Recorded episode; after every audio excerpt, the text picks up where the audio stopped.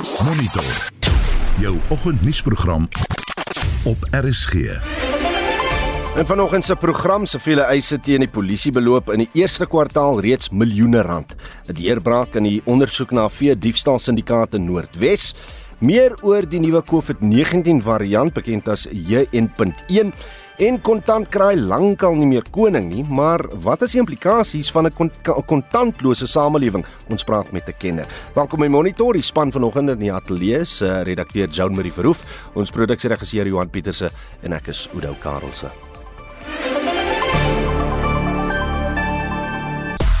In die sportnuus Bafana Bafana word 'n groot bonus beloof indien hulle by die Afrika Nasies beker koning kraai.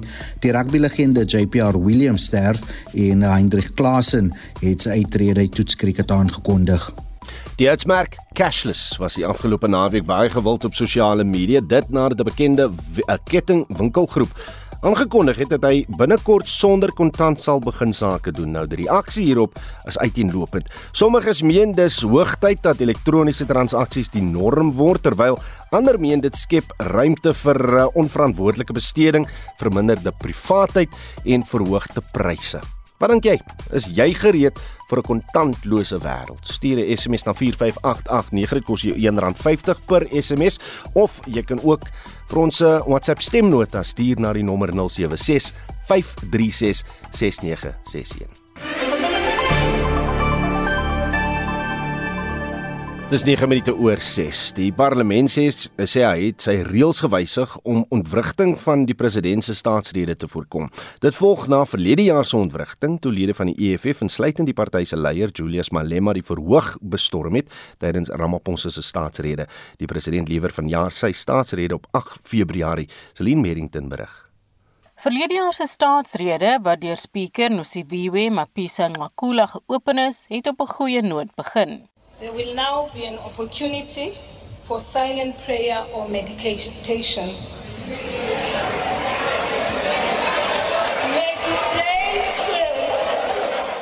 Maar dis waar die lighartigheid geëindig het. Lede van die EFF het kapsie gemaak teen Ramaphosa wat die huis toegespreek het met die wolk van palapala wat oor hom gehang het. Uiteindelik moes die spreker hulle vra om die huis te verlaat.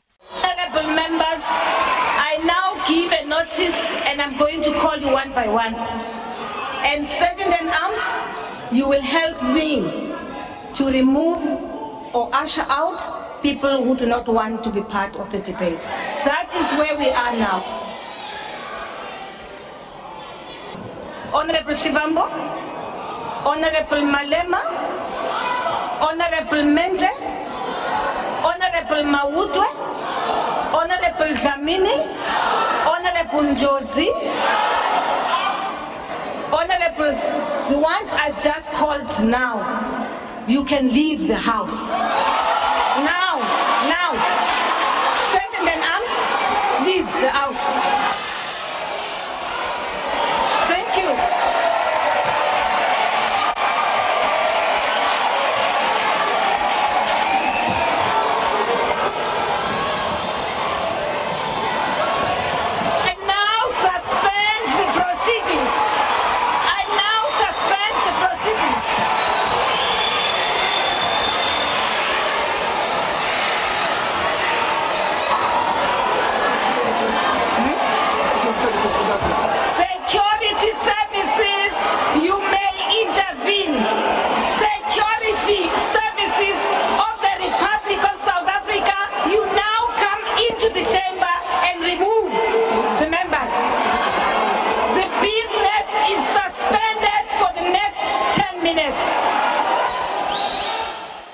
EFF-LPs van die groep wat die verhoog bestorm het, is daarvan skuldig bevind dat hulle die wet op immuniteite, magte en voorregte oortree het.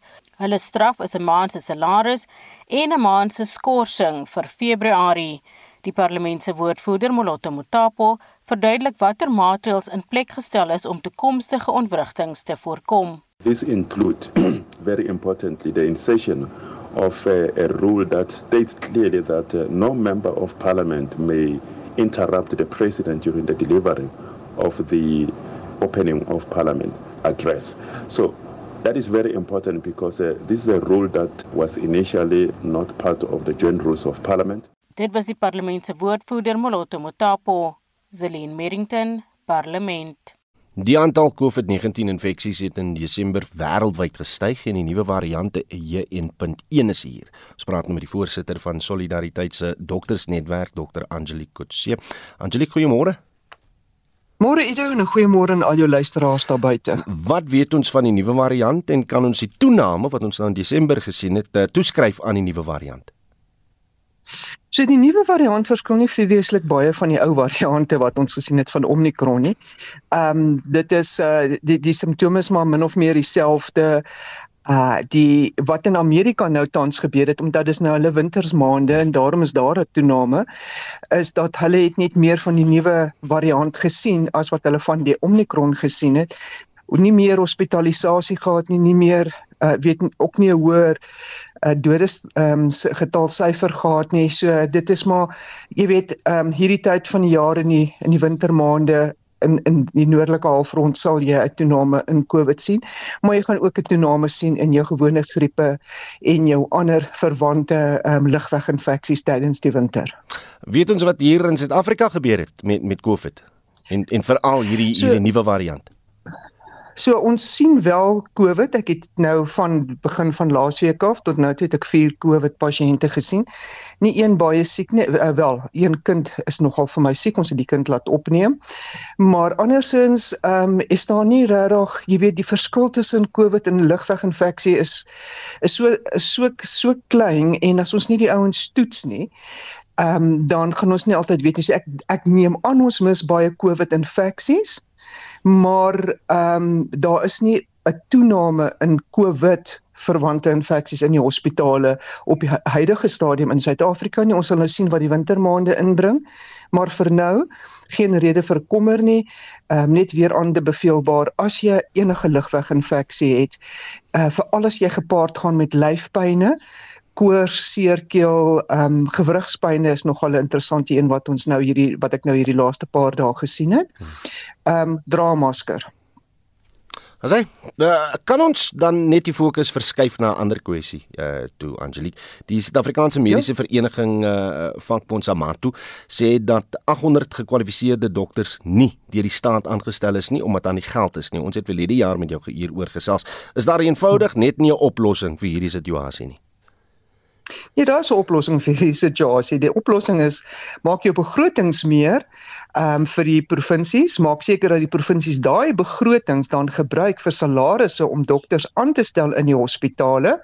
En dan die tweede ding is, maak seker as jy jou jou jou jou studente oplei dat jy hulle leer om entrepreneurs te wees sodat jy dan vir jouself kan gaan werk skep. Daar is geen rede in Suid-Afrika hoekom jy moet sê ek het nie werk nie as jy so 'n hoogs ehm um, so 'n skill het soos wat in in in in, in medisyne en jy is dan eintlik veronderstel om vir jouself ook te gaan werk skep, maar ons besef ook dat die banke nie altyd die geld wil leen nie. Hierdie ouens kom uit hoë salarisse uit die staatsdiens uit. Hmm.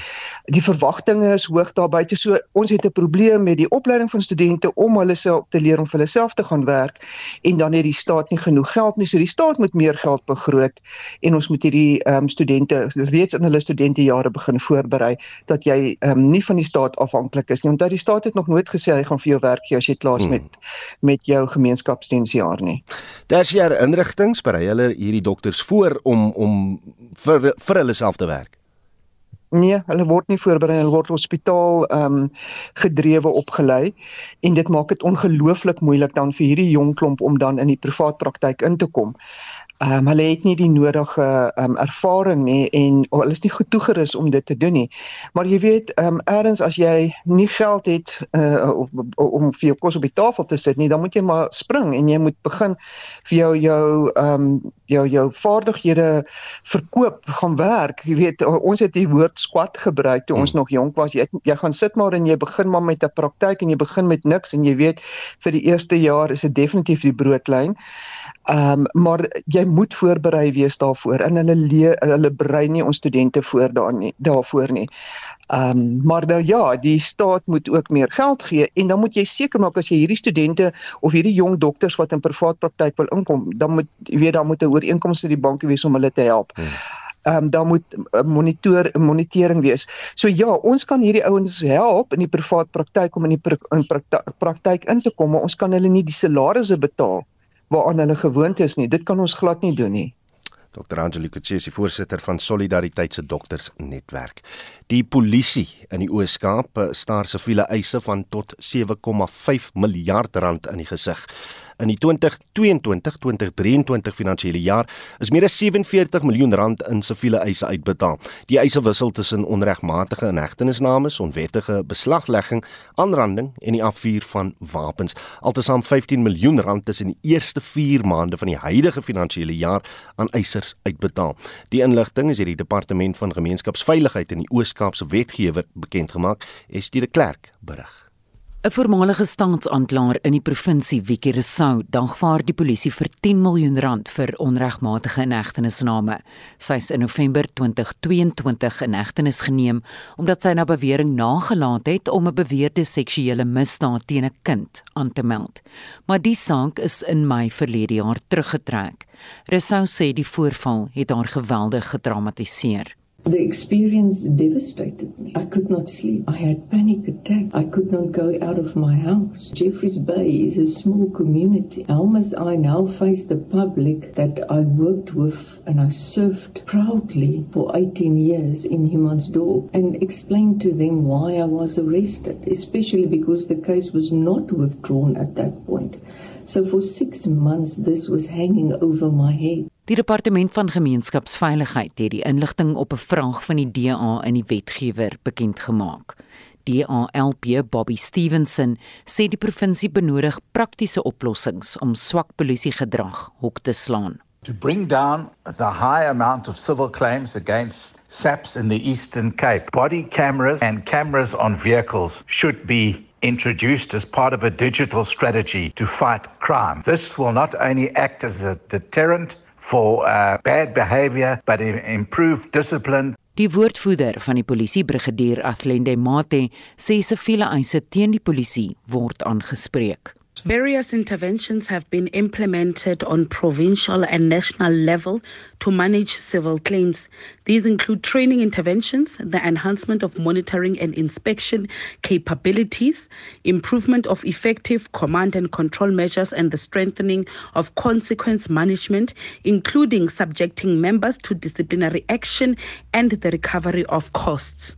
Die polisie sê hy is in 'n proses om liggaamskameras wat deur operasionele lede en speurders gedra kan word terwyl hulle werk aan te koop. Die verslag is saamgestel deur Sedumo Mfeku in die Oos-Kaap. Ek is Estie de Klerk vir SAK nuus. Al meer verbruikers verkies deesdae om met uh, debietkaarte, digitale koopbewys en selfs kriptogeldeenhede betalings te maak. Hoewel kontant lankal nie meer koning kraai nie, het die onlangse aankondiging deur 'n bekende kleinhandelaar dat hy binnekort kontantloos sake sal begin doen, Suid-Afrikaners op hol gehad. Om die uitwerking van die stap op verbruikers en ander gevolge hiervan te bespreek, praat ons nou met die direkteur van die Efficient Groep, Dawie Rood. Môre Dawie. Goeiemôre Oudo. Die betrokke kleinhandelaar uh, Woolworths sê hy wil die veiligheidsrisiko vir personeel en kliënte verminder. Voor ek vra wat jy dink oor die stap, kom ek vra net wat sê ons regulasies en wette kan 'n winkel kontant weier? Wel al meer en meer gebeur dit en uh, inderdaad kan winkels weier om uh, om om kontant te aanvaar. Onthou jy solank as wat jy rand en sent aanvaar, jy word verplig om rand as betaalmiddel in Suid-Afrika te aanvaar, maar dit hoef nie noodwendig kontant geld te wees nie. Dit kan kontant, dit kan rand wees in ander forme ook. En daar's verskeie vorms waarin rand verteenwoordig kan word, onder andere digitaal en natuurlik elektronies ook. Maar jy ken mos nou vir Jan Rapp en sy maat. As 'n winkel nou sê ons gaan kontantloos en ek stap daar by die winkel in en ek weier om uh, my kaart te gebruik, ek wil met kontant betaal, kan jy as verbruiker weier na geld te vat mm. of dat uh, um, Die kort antwoord is ek weet nie hoe nou, uh want ek dink mens moet seker you know 'n regslede hieroor vra, maar sover ek dit verstaan en bietjie wat ek verstaan is ek dink jy kan weier nie. Ek dink jy kan verplig jy kan verplig word om wel 'n uh, rand in fisiese vorm te aanvaar. Ek dink dit is deel van die wetgewing in Suid-Afrika. Maar miskien 'n interessante ding wat 'n ou moet sê hmm. en dit is wat 'n as mens 'n bietjie terugstaan en kyk waar geld vandaan kom, dan het geld van vorm verander baie baie kere in die geskiedenis van die mensdom. En wat ons vandag sien is maar net nog 'n vorm verandering van geld. Geld begin al meer en meer elektronies raak en dit het begin ook nou 'n sogenaamde digitale geldvorm.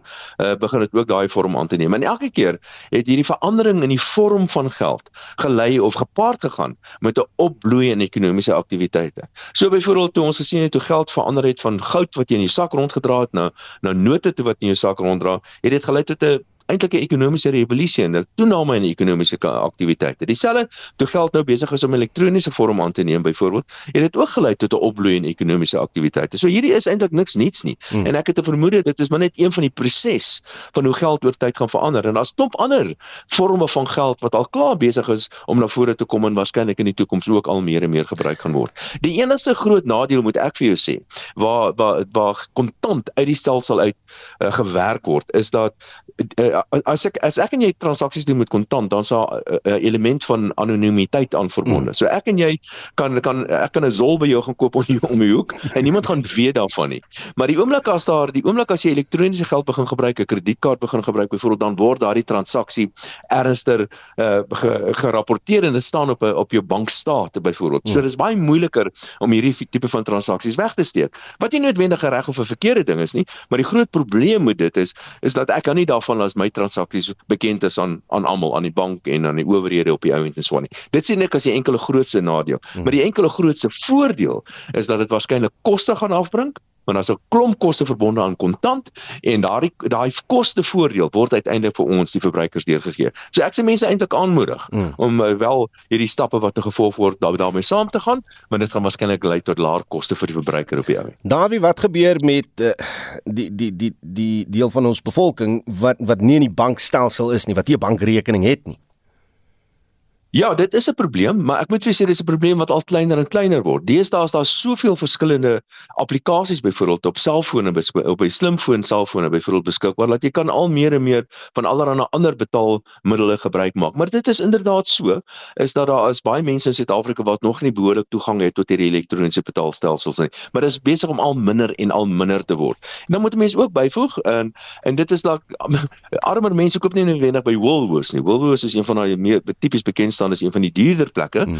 Uh, en jy kan selfs al is jy 'n persoon van 'n laer inkomste groep en jy het nie noodwendig 'n bankrekening nie, kan jy byvoorbeeld 'n sekere van die ander groot kettingwinkels kan jy jou SASSA uh onttrekking byvoorbeeld gaan doen en jy kan sommer direk by hulle gaan koop. Jy kan eintlik 'n soort van 'n rekening oopmaak by baie van hierdie ander kettingwinkels. So alle selfs al het jy nie 'n bankrekening nie, is dit nog steeds moontlik vir jou om deel te wees van hierdie elektroniese stelsel. Maar maar dit jy is heeltemal korrek. Daar's nog steeds heeltemal te veel mense wat net met kontant leef. Ek dink byvoorbeeld nou aan die miljoene mense wat op 'n minibustaksie sit om werk toe te gaan. Hy werk slegs met kontant en as jy nie die regte kontant het, het jy nog 'n bestuurder wat uh, dat vies gaan raak vir jou ja. op op hy taxi. Dis 'n dis 'n industrie wat wat dan ook sal moet verander dan nie.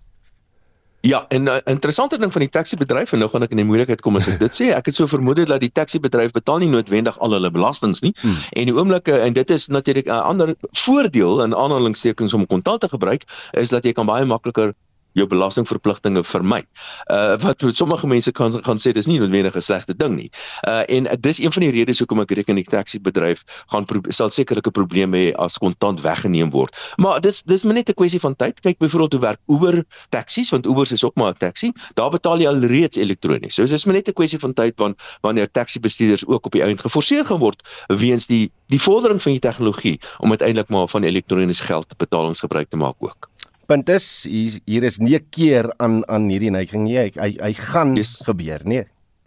Dit dis 'n proses en dit is 'n ding wat wat letterlik vir duisende jare alreeds in die gang is. Dit gaan aanhou om te evolueer. Geld verander die heeltyd en die groot voordeel is dis op die ou end tot voordeel van jou en van my. Dit verminder koste en daardie koste word op die ou end deurgegee of daardie laer koste word op die ou end deurgegee na jou en na my. Ek weet die mense sê die banke gaan net meer geld maak en die dis een of ander samesweringsteorie ernstiger wat uh, mense wat in uh, donker kamertjie sit en plan maak om ons verder uit te byt. Dit is glad nie die geval nie. Dit is maar net 'n geval dit maak eenvoudig koste sin om nie meer kontant te gebruik nie. Dis duur om kontant te gebruik. Daar's uh, allerlei sekuriteitsprobleme met kontant uh, en dis 'n beslommernis. Dis dis moeilik om kontant te gebruik. Dis soveel makliker om elektroniese geld te gebruik. En nou moet ek ook vir jou sê, hierdie is nie die laaste verandering nie. Daar's klomp ander en groot veranderings besig in die wêreld van geld wat besig is om te gebeur en op die ou end gaan dit ek en jy wees wat voordeel daai trek. Veranderinge soos wat daar?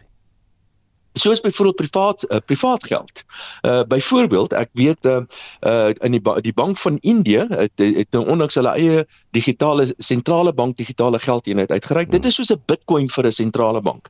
Uh en dit verminder ook transaksiekoste verder. En ons weet alreeds daar's privaat sektor digitale geld soos byvoorbeeld Bitcoin. En ek het 'n vermoede dit gaan in die toekoms 'n al groter en 'n al groter rol speel. En die groot voordeel van privaat sektor digitale geld is dat ja, daar's weer 'n keer 'n element van anonimiteit sekuriteit betrokke daarbey. So daar's allerlei ver, verskillende voordele en nadele hang af wat se tipe van geld jy gebruik. Maar hierdie beweging weg van kontant af na net na kredietkaarte of elektroniese geld, dis 'n ding wat ek dink onvermydelik is en dit is maar die volgende stap, maar dit gaan nie die laaste stap wees nie. Navi Rood is ekonom van die Efficient Groep.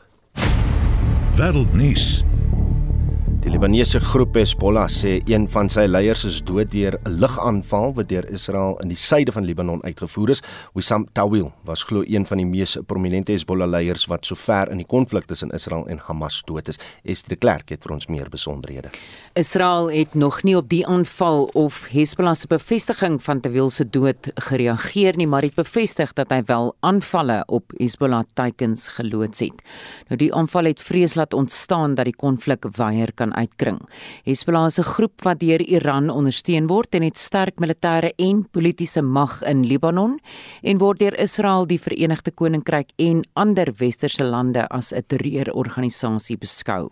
Op 'n vraag oor hoe wys dit is vir Israel om voort te gaan met sy aanvalle op Gaza, het 'n voormalige ambassadeur van die VSA oor oorlogsmisdade, Steven Rapp, so gereageer. In terms of law, the question is always is it a legitimate uh, military target? And, and certainly a commander of a military force that's actively involved in an attack against uh, Israel or, or any other party can be uh, appropriately attacked and through a targeted artillery at that particular individual. And that can be done under the laws of war, certainly within the battlefield area. The bigger question is whether it can be done in a third country en dit was 'n voormalige ambassadeur van die VSA oor oorlogsmisdade, Steven Rapp. Terwyl Israel se eerste minister Benjamin Netanyahu gister aan soldate op die Libanon grens gesê het hy is vasbeslote om alles moontlik te doen om sekuriteit in die noorde van die land te herstel, het die VSA se minister van buitelandse sake, Anthony Blinken, gisterand in Israel aangekom vir samesprekings. Blinken het ten doel om te probeer verhoed dat die konflik verder uitkring. En is die volgens die Verenigde Nasies is byna 2 miljoen Palestynse burgers ontwortel sedert die konflik op 7 Oktober verlede jaar uitgebreek het. Ja, oor meer as 1,9 miljoen mense is ontwortel en meer as 20000 mense is reeds dood. Maar talle mense in Israel is ook ontwortel. Die BBC se Wira Davis het die Israeliese kibbutzgebied van Kafir Giladi besoek waar reeds meer as 80000 mense ontruim is. This is one of the most beautiful parts of Israel, a very desirable place to live. But thousands of people and businesses have been forced to leave here because of shelling coming from Hezbollah positions just across the border. And it's not just the short term prospect of a wider war that people are worried about and why they won't return, it's what will happen in the long term as well. en dis die BBC se Wira Davis. Nou mense wat in die gebied woon en werk, soos die taxi-bestuurder, beskryf wat hulle van die regering verwag. 85% of the population in Israel, this is what they are demanding. From our government, it's to take care of Hezbollah here, to demolish the threat here in the southern Lebanon. en dit was 'n taxi-bestuurder in die noorde van Israel. In die VSA het die Amerikaanse lugowerheid 171 vliegtye gehok nadat 'n gedeelte van die deur van 'n Boeing 737 vliegtyg van Alaska lugredery uh, vlug Vrydag uit die vliegtyg geval het nadat dit opgestyg het. Wat is die jongste verwikkeling in die storie? Oudou die vliegtyg moes 'n noodlanding maak nadat 'n gat so groot soos 'n yskas in die kajuit gelaat is.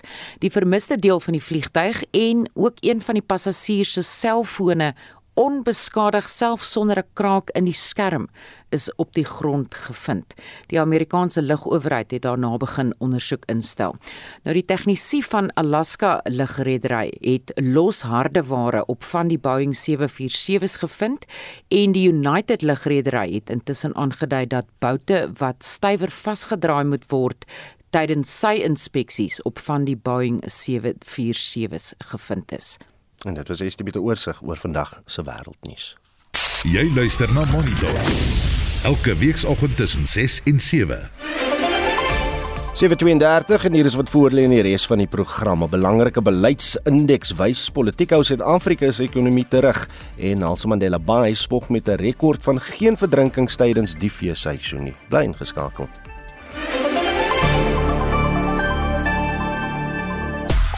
Reg vanoggend vra ons jou of jy gereed is vir 'n kontantlose wêreld. Uh, wanneer dit smerk cashless was die afgelope naweek baie gewild uh, gewild nadat een van ons uh, kleinhandelaars uh, aangekondig het dat hy binnekort sonder kontant sal begin sake doen. Uh Jean op die SMS lyn, dankie vir die boodskap. Sê môre ou onthou dit was uh, vir Wool, Woolies Cafe, nie vir die hele Woolworths groep nie. Dankie Jean. En dan sê Marina, ou wel, dan kan ek nie daar gaan koop nie. Ek het 'n uh, inkomste wat slegs uit kontant bestaan, so dan moet ek dit nou in die bank gaan sit wat vir my 'n uh, 'n bankkostes gaan beteken. Uh ja, hulle gaan baie kliënte verloor sê Marina. Ehm um, sê Pieter, in 'n derde klas wêreld sal kontantlose lewe nooit werk nie.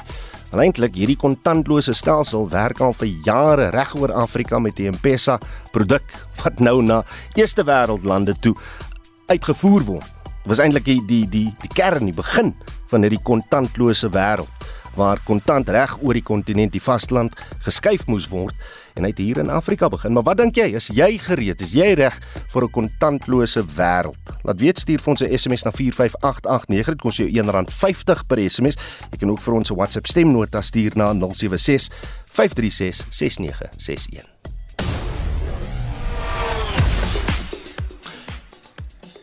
Jody Hendricks is nou gereed vir die jongste sport. Dis môre Jody. Goeiemôre Oudo.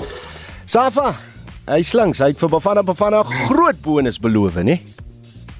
Ja, dit vir die Afrika Nasies beker wat volgende week begin 7 miljoen dollar of terwyl 140 miljoen rand. Dit is nou as Bafana Bafana die toernooi die Afrika Nasies beker wat volgende week begin hoe sal wen. Nou ons het gesien wat gebeur het toe, toe die vroue aan die FIFA Wêreldbeker gaan deelneem met wat se beloftes gemaak is en nie nagekom het nie. Nou Bafana Bafana is volgende week teen Mali by die toernooi en aksie. Hulle kom ook in die groepfase teen Namibië en Tunesië te staan om te begin om te kyk of hulle daar die 7 miljoen dollar kan wen. Ja, ek wonder of 'n bankstrokie is vir daai 7 miljoen dollar, Jerry, maar ek kom ons op kontant. kom ons kyk. Ja, sê kom ons kyk van uh, na rugby toe, bietjie slegte nuus, internasionale rugby legende is uh, uh oornag oorlede. Ja, JPR Williams wat in die 70's vir Wallis en die Britse Lions gespeel het, is gisteraand op die ouderdom van 74 jaar oud oorlede. 55 toetse vir Wallis ook ag wedstryde vir die Britse Lions. Hy was ook 'n deel van die bekende 74 Lions toer na Suid-Afrika en wat baie mense nie weet nie, Oudo, is dat hy ook 'n ortopediese chirurg was. As hy Ek gaan net sê hier volg nog een. Hendrik Klasen, hy gaan ook nou bye bye vai vir toetskriket die langer formaat en natuurlik vra oor die uh, toetskriket se toekoms nie net in Suid-Afrika nie maar wêreldwyd. Maar soos jy noem Oudo die Paaltjiewagter en Kolwer uh, sê toetskriket is sy gunsteling formaat en dit was 'n moeilike besluit vir hom wat hom nagte wakker gehou het en die 32 jaar geklaas en het in vier toetse vir uh, Suid-Afrika gespeel. Hy sê debuut in 2019 teen Indië gemaak en hy het ook in twee toetse teen Australië gespeel en sy laaste toets vir die Proteas was in Maart verlede jaar teen die Wes-Indiese eilande. En ek sien ek sien uh, Tiger Woods ook nou 'n nuwe 'n nuwe borg. Ja, die 15-malige major wenner se paai met sy borg van 27 jaar Nike het gister amptelik geskei. Die maatskappy was sy borg sedert die laat 90s toe hy 'n professionele speler geword het. En hulle sê en uh, uh, hulle sê dat hulle strategie in sportborgskappe het verander en dis hoekom hulle nie vir Hoods 'n nuwe kontrak aangebied het nie. Reg, wat die jongste by die uh, Dakar tydren? Ja, dis natuurlik skof 4 vandag van net oor die 300 km. Nou gister in skof 3 het Lucas Moria as koning gekry. Carlos Sainz het sy algehele voorsprong in die motorafdeling verloor met Yazid Al-Raji wat eerste was. Die Argentyn Kevin Benavides uh, het in die afdeling vir motorfietsse eerste oor die wenstreep geëindig. En dan laastens is daar 'n interessante persoonlikheid wat by die jaar se Olimpiese spele in Parys as kommentator diens gaan doen. Ja, die Reinklitzer Snoop Dogg gaan vir die TV-kanaal NBC Sport ontleding oor sekere sportsoorte te doen, asook om na die kulturele kant van Parys tydens eh, die spele te kyk. Oor nou Snoop is 'n groot sportliefhebber. Hy het al op programme verskyn om oor NFL, basketbal asook sokker te praat, maar ek wil net sy opinie oor hoogspring hoor. Jody Hendricks daar met die sportnuus vanoggend. Nog 6 verdagtes wat met 'n vee diefstal syndikaat in Noordwes verbind word en verlede week in hegtenis geneem is, verskyn weer vandag in die hof. Die verdagtes is deur 'n pol uh, polisie taakspan onder leiding van kolonel Dawie Lange in hegtenis geneem en het begin ondersoek instel nadat 46 beeste op Okkert Gosen se plaas in die Brei omgewing vergiftig is. Die verdagtes verskyn egter in die hof op aanklagte van diefstal, die onwettige besit van ammunisie en vuurwapens en kwaadwillige sake sakebeskadiging vir misdade wat tussen Augustus 2022 en Januarie vanjaar gepleeg is. Die sogenaamde baasbrein van die syndikaat Rasta Kenossi is reeds verlede jaar op aanklagte van poging tot moord en onwillige sakebeskadiging in hegtenis geneem. Bortog in een van die sake is aan hom toegestaan en die bortog uitspraak in die ander saak sal na verwagting vandag gelewer word. Ons praat nou hieroor met die DEA se kiesafdelingshoof van Kagisan Molopo, Karin Visser. Karin, goeiemôre. Goeiemôre. Kan ons hierdie verdere inhegtenisnemings sien as 'n groot deurbraak in hierdie saak? Um die DA neem kennis, ekskuus tog van die um van die voortgesette ondersoek wat aan die gang is, want dan moet onthou word dat dit was daar is al 75 sake teen meneer Kenossi en sy in in sy syndikaat uh aangestuur aan die polisie uh nasionaal na kommissaris um Masamela en ook na um generaal um Kwena in Noordwes. Um maar as as jy kyk vir die afgelope 12 jaar dat hierdie tendens net eenvoudig van dag tot dag voortgegaan het en dat beeste op 'n daaglikse uh, um um gesteel word by al al die boere in daai omgewing gereeld. Hmm. So gaan dit sal reg en geregtigheid plaasvind. Ehm um, uh en sy syndikaat uh, uh met ander woorde uh vasgevat word in hierdie gebied want as ons kyk na artikel 205 3 van die grondwet waarin die grondwet van Suid-Afrika dui, dit duidelik stel dat die Suid-Afrikaanse Polisie Diens misdaad moet voorkom, bekamp en ondersoek en die ondersoek uh, die openbare orde handhaaf en die inwoners van die republiek en hulle eiendom beskerm en beveilig om die grondwet te onderhou en af te dwing. Hmm. Gebeur dit? Dit gebeur nie in hierdie gebied nie. Boere in hierdie gebied open vee diefstal sake. Hulle kry saaknommers, maar daar's geen polisieeringsondersoeke of vervolging van weeklikse onverpooste diefstal.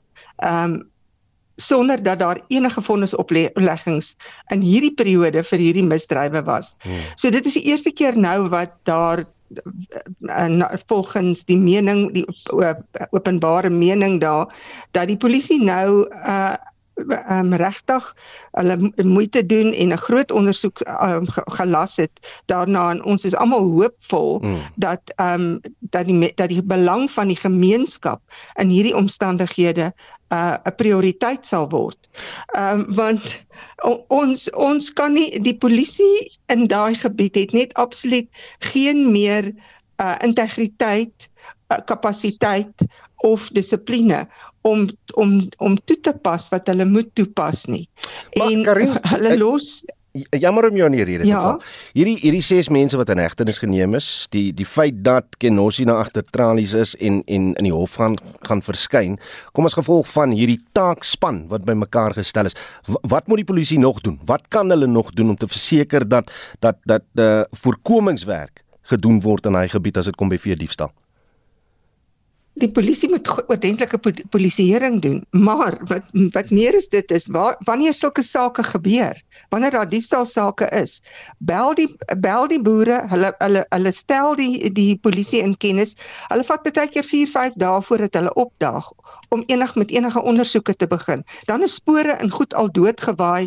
Ehm um, dis 'n sanderige area daai dit kan nie op hierdie op hierdie stadium so gaan nie want op hierdie stadium dink ek is die is die en is die die mening van die gemeenskap dat die polisie nie meer bevoeg is Ja. om uh, ordentlike ondersoeke te doen sodat daar uh uh die pros- strafproseswet gevolg word en sodat daar vervolging kan plaasvind en daar op die einde vonnisoplegging kan wees want hoe kan daar vir 12 jaar sake oopgemaak word en tot op hi- hierdie hede is daar nog niemand 'n vonnisoplegging vir veediefstal daar gekry nie. Julle bekommerd oor die feit dat Kenossi en die ander verdagtes vir vir enigiets anders as veediefstal in hegtenis geneem is. Daar's daar's verskeie goedes. Ek ek kan nou ongelukkig nie alles ehm um, so noem nie, maar ehm um, daar is verskeie dinge wat waar waaroor daar sake oopgemaak is, ja. En uh, saakbeskadiging en sulke goed ehm um, wat gebeur het. Ehm um, maar dan moet opgetree word van die polisie. Die polisie dit dit blyk dat daar in die polisie die speurvernuf en die ondervinding van ehm um, onder van uh, gespesialiseerde ondersoeke nie meer bestaan nie. En dit is dan die rede ook hoekom vir 12 jaar kan hierdie hierdie syndikaat binne in daai gebied hulle operasies uitvoer sonder enige probleme met die polisie. Die se kiesafdelingshoof van Kagisan Molopo, Karin Visser. Die minister van Hoër Onderwys, Blyden Zimandi, het tydens 'n nuuskonferensie beweringe van gunslone, bedrog en korrupsie in sy departement weer lê. Zimandi het gesê 'n heksejag word teen hom en die raadslede van die nasionale finansiële hulpskema vir studente en is vasgevoer. Die organisasie teen belastingmisbruik, uh, Outa, het uh, vroeër bekend gemaak dat hy in besit is van opnames waarin ontbloot word dat die minister gunslone van diensverskaffers ontvang het. Minstens 1 miljoen rand is glo aan die Suid-Afrikaanse Kommuniste Party goed toegewys in ruil vir tenders en beskerming van die diensverskaffers. Marlies Skeepers berig. Die minister sê hy is onskuldig. Hy het tydens die nuuskonferensie in Pretoria beklemtoon dat hy nog nooit staatsfondse misbruik het nie. Hy het gesê hy win regsadvies in en sal hom ook aan die etiekkomitees van die ANC en die SAKP onderwerp. These are all lies that emanate from a malicious fight back campaign. My conscience is clear and I have nothing to hide or fear. As stated in my statement on the 5th of January, I reserve my rights to take the necessary legal action and I've also voluntarily decided that I'm going to subject myself to the relevant legal processes and ethics bodies of the African National Congress, its Integrity Committee, and the South African Communist Party, its Central Ethics Commission. And I wish to once again state that I have nothing to hide or fear. Nzimande het Elta daarvan beskuldig dat hy saam met die NSFAS se direkte betalingsdiensverskaffer span, wie se kontrakte vroeër gekanselleer is nadat 'n ondersoek bevind het die kontrakte is onreëlmatig toegeken. I also want to say my suspicion is that the very same people that Outer was attacking initially before this investigation was made. Outer now is opportunistically colluding with the people that they were attacking as having been corrupt because now there is a bigger price, which is the head of Blayton's money. I'm suspecting that that is what is happening here. Die opnames is glo van twee vergaderings tussen NSFAS se raadsvoorsitter, Ernest Khoza, en 'n verteenwoordiger van die diensverskaffer. Die minister word glo in die opnames uitgewys. Sedert die beweringe aan die lig gekom het, dring opposisiepartye daarop aan dat Nzimandi afgedank word. Maar die minister sê hy gaan nêrens nie. I'm not going to resign. Why should I resign? Really? Some recording mentions my name. Let me tell you, ministers' names are dropped everywhere, almost all the time. Sometimes you come across someone saying, Minister, I've been told that there is such and such and such. Sometimes you meet a person who complains. I've applied for to a particular seat, they haven't responded to me. So as a public representative and as a minister, I can't say go away. 'n Woordvoerder van NSFAS, Ismail Nesi, sê die raadsvoorsitter se lewe is sedert die opnames uitgelek het in gevaar.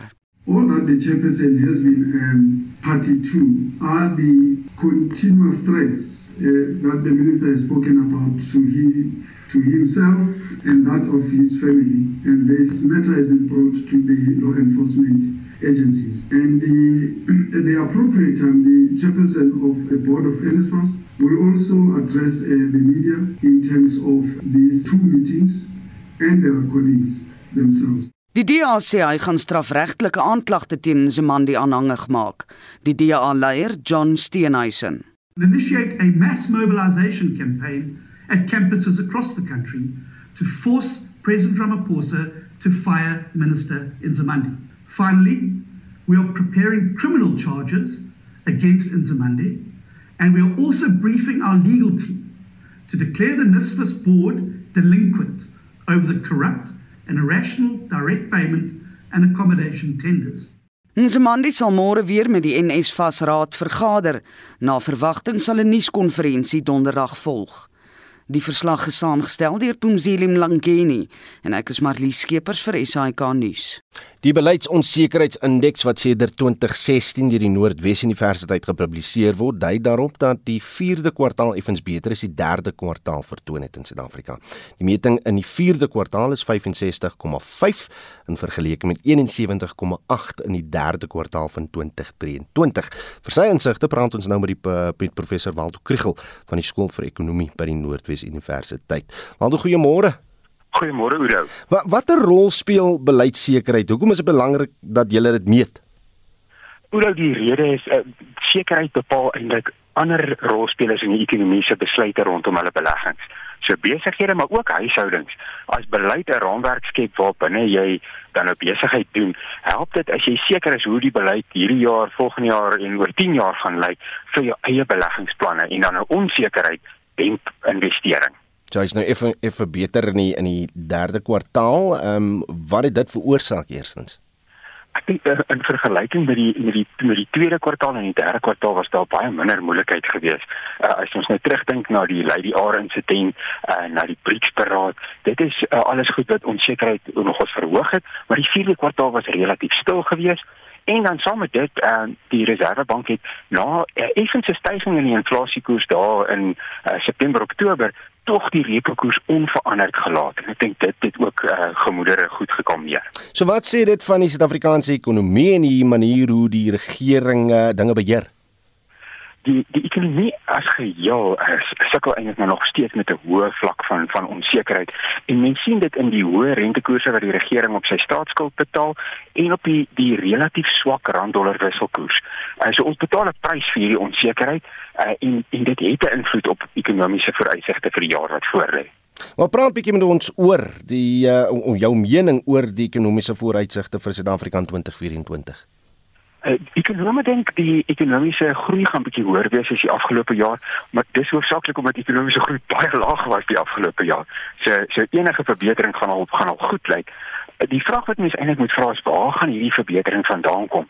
Uh, verbruikers is onder swaar druk van hoër pryse en rentekoerse. So eers as rentekoerse begin afkom, gaan verbruikers besteding kan help om groei te dryf. Hmm.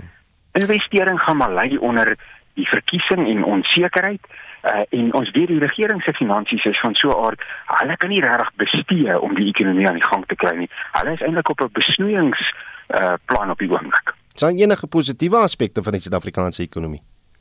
Ek dink daar is uh die die internasionale ekonomie uh gaan redelik groei hierdie jaar so ons uitvoer behoort 'n uh, bydrae te kan maak gegee wat aangaan uh op die spoorweë en in die hawens natuurlik. Uh maar dan uh ek dink van die ander positiewe goed is ons het nou al die die hou van beerdkrag gevat en en baie besighede en huishoudings het aangepas daarbey. So beerdkrag gaan voortduur, maar maar die impak daarvan op ekonomiese aktiwiteit gaan al klaar minder wees. Hmm. En en dan wanneer rentekoerse begin daal, dink ek uh gaan dit 'n groot verligting bied uh vir ons almal. Ons het die jaar afgesluit vir hierdie jaar met 'n storie oor die feit dat daar uit so 52 stukke wetgewing voor uh ons president gaan lê vroeg in die jaar. Uh dit sal seker veroorsaak dat daar groot beleids onsekerheid gaan wees in die volgende paar maande dan nie. Ongelukkig en en internasionale navorsing wys so 'n verkiesingsjaar het verhoogde onsekerheid. Uh en ag as mens dink aan iets soos die nasionale gesondheidsversekering, uh kommentators is maar bekommerd daaroor hoe dit bekostig kan word, maar 'n groot deel van van die dryf om dit nou iets daarmee te doen, het te doen met die verkiesing. Hmm. Ja, so, so ons ons is 'n bietjie uitgelewer aan aan daardie omstandighede. Professor Waldo Kriel is by die skool vir ekonomie by die Noordwes Universiteit. Inwoners van die Salt City informele nedersetting in Kagiso aan die Gautengse Wesrand sê hulle is bang vir die onwettige myners wat in die gemeenskap woon. Vier verdagte onwettige myners is die naweek in 'n skietvoorval dood. Drie ander is beseer en gehospitaliseer. Die oorledenes is drie burgers van Lesotho en een van Mosambiek. Die polisie sê die slagoffers is gejaag en geskiet deur 'n groep gewapende verdagtes van 'n nabye onwettige mynterrein. Mitsie van der Merwe het vir ons meer besonderhede.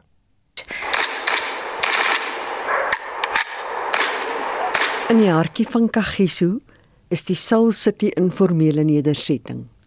Die eensregte gemeenskap leef nou in vrees omdat onwettige myners in 'n gewelddadige stryd vir die kosbare ondergrondse hulpbronne gewikkel is. Volgens inwoners wat anoniem wou bly, word families gedwing om weg te kruip wanneer die geweld uitbreek, omdat hulle bang is hulle beland in die kruisvuur. What we know is that the legal miners are fighting against each other.